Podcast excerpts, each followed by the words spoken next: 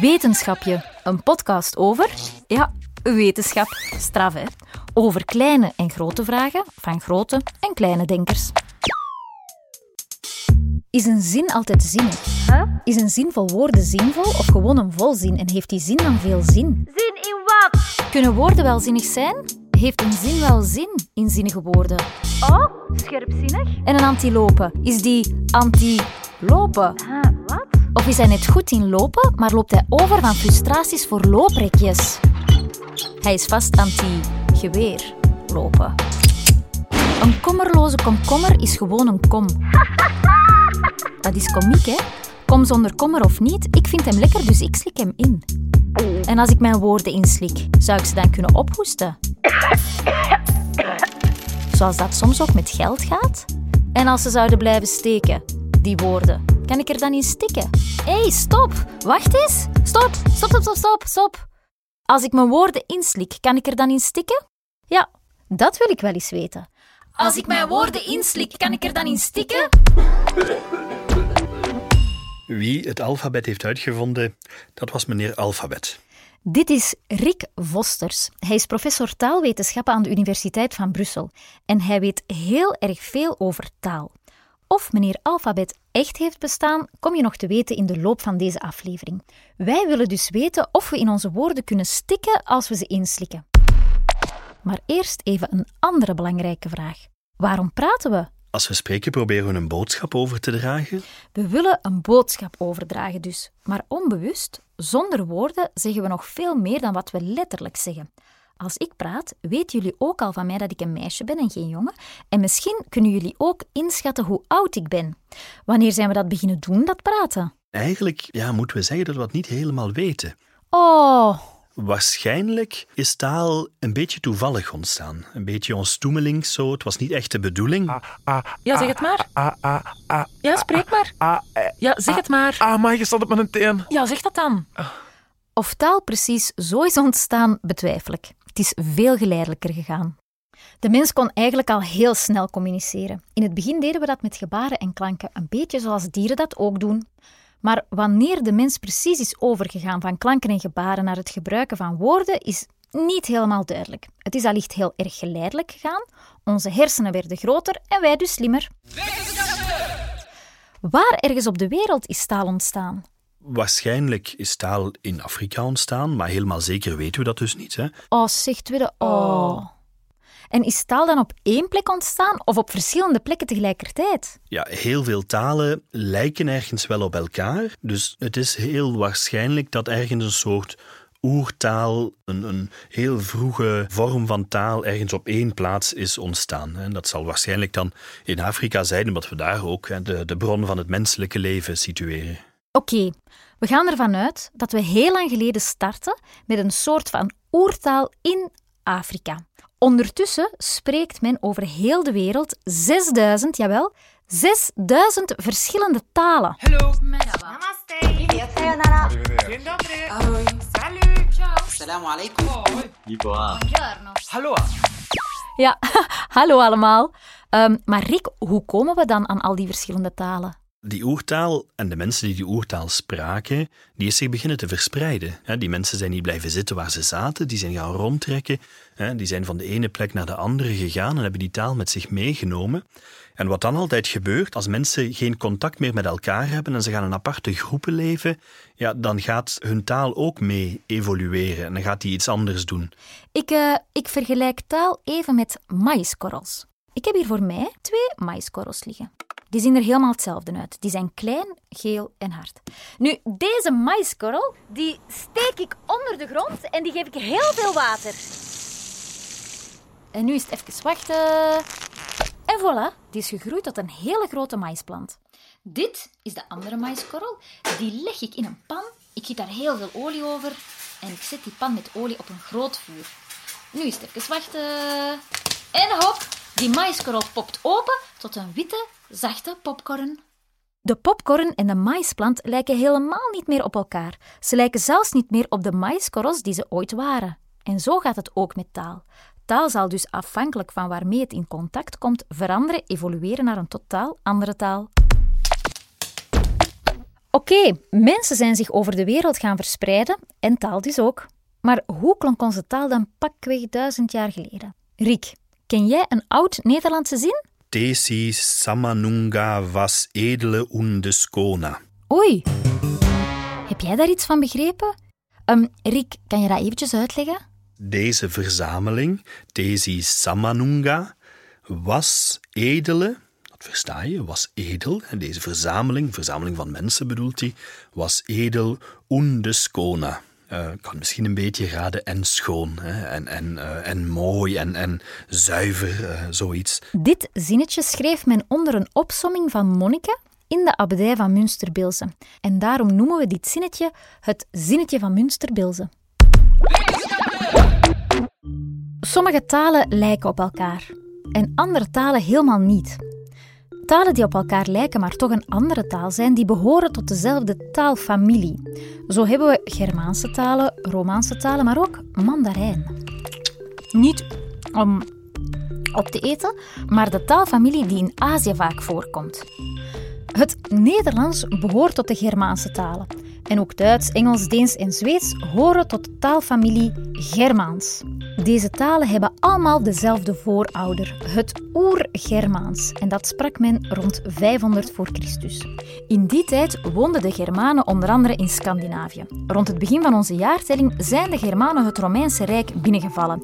En zo hebben ze stilaan meer land veroverd en is de taal het Germaans zich ook bij ons gaan verspreiden. Wacht, ik zal dat eens met een limerick uitleggen. Er was eens een stam uit het noorden en die trok naar andere oorden. Ze spraken Germaans, dat werd dan ons Vlaams. Zo kregen we andere woorden. Uit dat oer-Germaans is dan het West-, Oost- en Noord-Germaans ontstaan.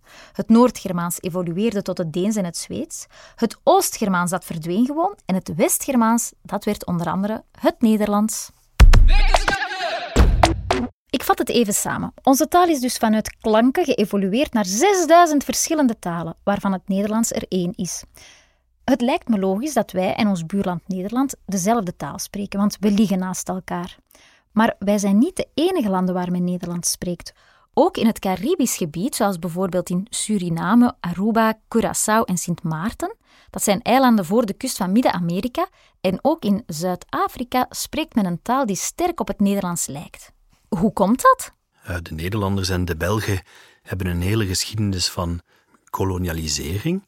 Dat betekent dat de Nederlanders en de Belgen in het verleden koloniën zijn gaan stichten in andere delen van de wereld, waar mensen naartoe trokken en waar men gebieden overnam. En, en die kolonialen die, die van hieruit vertrokken, ja, die namen, als die bijvoorbeeld naar Afrika gingen, niet alleen uh, hun hele bagage en misschien ook een heleboel ziektes mee, maar die namen ook natuurlijk hun taal mee. En als die zich gingen vestigen, bijvoorbeeld in Zuid-Afrika, waar een heleboel Nederlanders en ook heel wat Vlamingen zijn gaan wonen, dan spraken die daar ook Nederlands met elkaar. Ze spraken Nederlands met elkaar en met de Afrikanen zelf, maar niet meer met de mensen in België of Nederland. Ah nee, die zagen ze niet meer.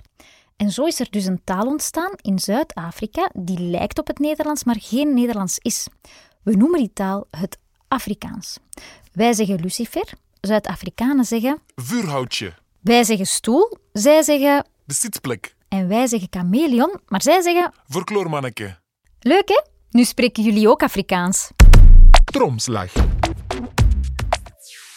Ik heb nog een vraag, Rick. Van waar komt het woord antilopen? Want een antilopen is toch helemaal niet antilopen? Antilope specifiek is eigenlijk ook een woord dat we uit andere talen hebben gekregen. We hebben dat via het Frans, uit het Latijn, uit het Grieks eigenlijk gekregen. Anthos in het Grieks uh, betekent bloem en ops betekent ogen. Hè. Dus een antilope was eigenlijk een dier met ogen zoals bloemen. Allee, dat is super straf. Dat heeft dus helemaal niks te maken met lopen. Het Nederlands verschilt van het Afrikaans. Maar ook in het Nederlands zelf zijn er kleine mini-verschilletjes. In Antwerpen klinkt het Nederlands namelijk helemaal anders dan in Oostende. Die lokale verschillen die noemen we dialecten. Wel, dialecten zijn eigenlijk gewoon talen.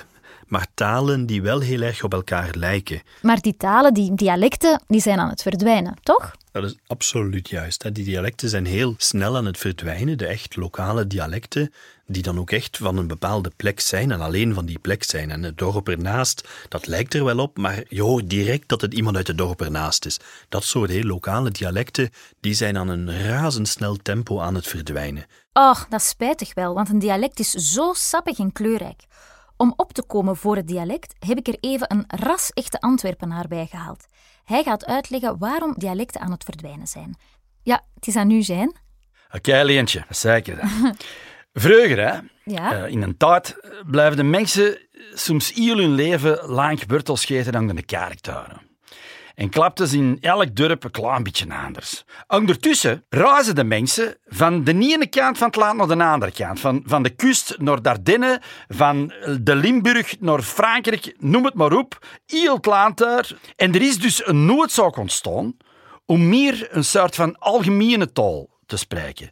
Dat we bijvoorbeeld eventjes kunnen klappen met, ik zeg maar het, een, een, een West-Vlaming of zo. En die taal, dat die het dan verkovelingsvlams. Bedankt, hè, zijn. Zou je geloven dat dat de eerste keer is dat ik dat verstaan heb? Voilà, dat is het. Maar er zijn niet alleen verschillen in taal afhankelijk van de plaats waar men woont, maar ook verschillen in taal naar gelang hoe oud men is. Mijn oma klinkt helemaal anders dan hoe ik klink. Jouw oma die klinkt zoals het Nederlands 50 jaar geleden klonk. Je leert dat op het moment dat je jong bent op een bepaalde manier te zeggen. En dat verandert niet meer als je ouder wordt. Het zijn net de kinderen die altijd een beetje de verandering gaan brengen. Want, want je wil natuurlijk toch net ook een beetje anders spreken dan hoe jouw mama en papa spreken. Dus je gaat je eigen woorden kiezen en je eigen nadrukken leggen en je eigen uitspraak een beetje veranderen. En, en op die manier verandert de taal mee. Denk maar aan het woord van het jaar knuffelcontact of anderhalve meter samenleving of ewadreri of simp, de tienerwoorden van het jaar. Of sus, dat zoveel als verdacht betekent. Of gamen, dat niet helemaal hetzelfde betekent als een spelletje spelen. En zo ontstaan er dus elk jaar nieuwe woorden. Zeg Rick, hoe zullen we over pakweg duizend jaar spreken? Het Nederlands van de toekomst zal heel waarschijnlijk veel minder moeilijk zijn. Denk bijvoorbeeld aan iets concreets zoals het onderscheid tussen de en het woorden. Gaan we dat onderscheid tussen de woorden en het woorden nog hebben? Absoluut niet. Dan gaan we voor elk zelfstandig naamwoord allicht de zetten. De raam, de meisje, net zoals dat nu al in het Engels is. Hoe komt het eigenlijk dat ons alfabet uit 26 letters bestaat en niet uit eh, 34 of 20? Wie heeft dat bedacht, het alfabet? Dat was meneer Alfabet. Dat is helemaal niet waar. Meneer Alfabet heeft nooit bestaan. Wie het alfabet heeft uitgevonden, dat weten we eigenlijk niet. Hoe zeg? Dat is voor de derde keer. Alfabet verwijst eigenlijk gewoon naar de twee eerste letters van het alfabet in het Grieks. Alpha is Grieks voor A en beta is B. Kijk, het alfabet dat is schrift. Schrift is niet hetzelfde als taal, want de meeste talen hebben geen schrift. Het is een beetje toevallig, omdat ons alfabet niet voor het Nederlands gemaakt is. Hè. Ons alfabet hebben we van de Romeinen gekregen, die het van de Grieken hebben gekregen enzovoort. Dus het is helemaal niet gemaakt voor, voor onze taal. En je hebt klanken en je hebt letters. En we hebben maar 26 letters, maar het Nederlands heeft ongeveer, afhankelijk van hoe je telt, een veertigtal klanken. Zo hebben we de letter E. Voor die letter E zijn er drie verschillende soorten klanken: e, e en e. En daarom is er het fonetisch schrift uitgevonden dat voor elke klank een ander teken heeft. Zo kan je lezen hoe je een woord precies moet uitspreken. Als taal verandert, waarom hebben we dan spellingsregels? Op zich ja, zijn spellingregels ook niet echt nodig. Aha, zeg dat maar tegen jouw juf of meester morgen. Voor er een standaardtaal in het Nederlands ontstond, waren er geen spellingregels. Iedereen schreef min of meer anders. Maar toen begonnen er steeds meer mensen te schrijven. En omdat we elkaar wilden blijven begrijpen, hebben we regels uitgevonden. Dat zijn eigenlijk gewoon afspraken. Net zoals we afspraken maken over hoe we ons in het verkeer gedragen. Zo hebben we ook afspraken gemaakt over hoe we schrijven, opdat we onze boodschap zo helder mogelijk kunnen overbrengen. Leen, Leen, Oh, ja? ja? stilletjes aan stoppen met praten, dan wordt u de langste aflevering ooit. We zitten al op 14 minuten 35, hè? Ehm, ja, maar Bram wordt lastig, precies.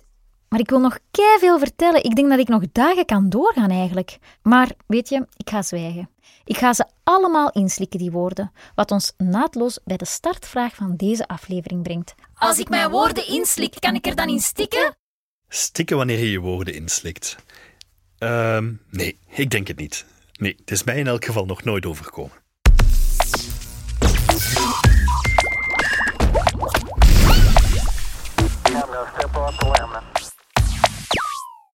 Mocht jij nog een vraag hebben, stel ze gerust aan leen.geluidshuis.be. En wie weet maak ik er wel een heel wetenschapje van. Dit was Wetenschapje met de vakkundige kennis van Rick Vosters, in samenwerking met de Taalunie. Wetenschapje is een productie van het Geluidshuis. Klank en muziek Bram Kouwmans, concept en regie Leen Renders en extra hulp achter de schermen van Katarina Martinovski, Marijke Guttens, Anne Smet, Pieter-Jan Vinks, Linde Verlooy en Koen Brandt. Heb je genoten van deze aflevering? Geef dan een score of laat een recensie achter. Zo vinden anderen ook de weg naar deze podcast. Op wetenschapje.be vind je meer info en onze andere producties, zoals de heerlijke hoorspelen. Dag wetenschappers, tot snel! Voilà, meer woorden moet jij er niet aan vuil maken, alleen. Oké, dat is goed, dan doe ik het licht uit.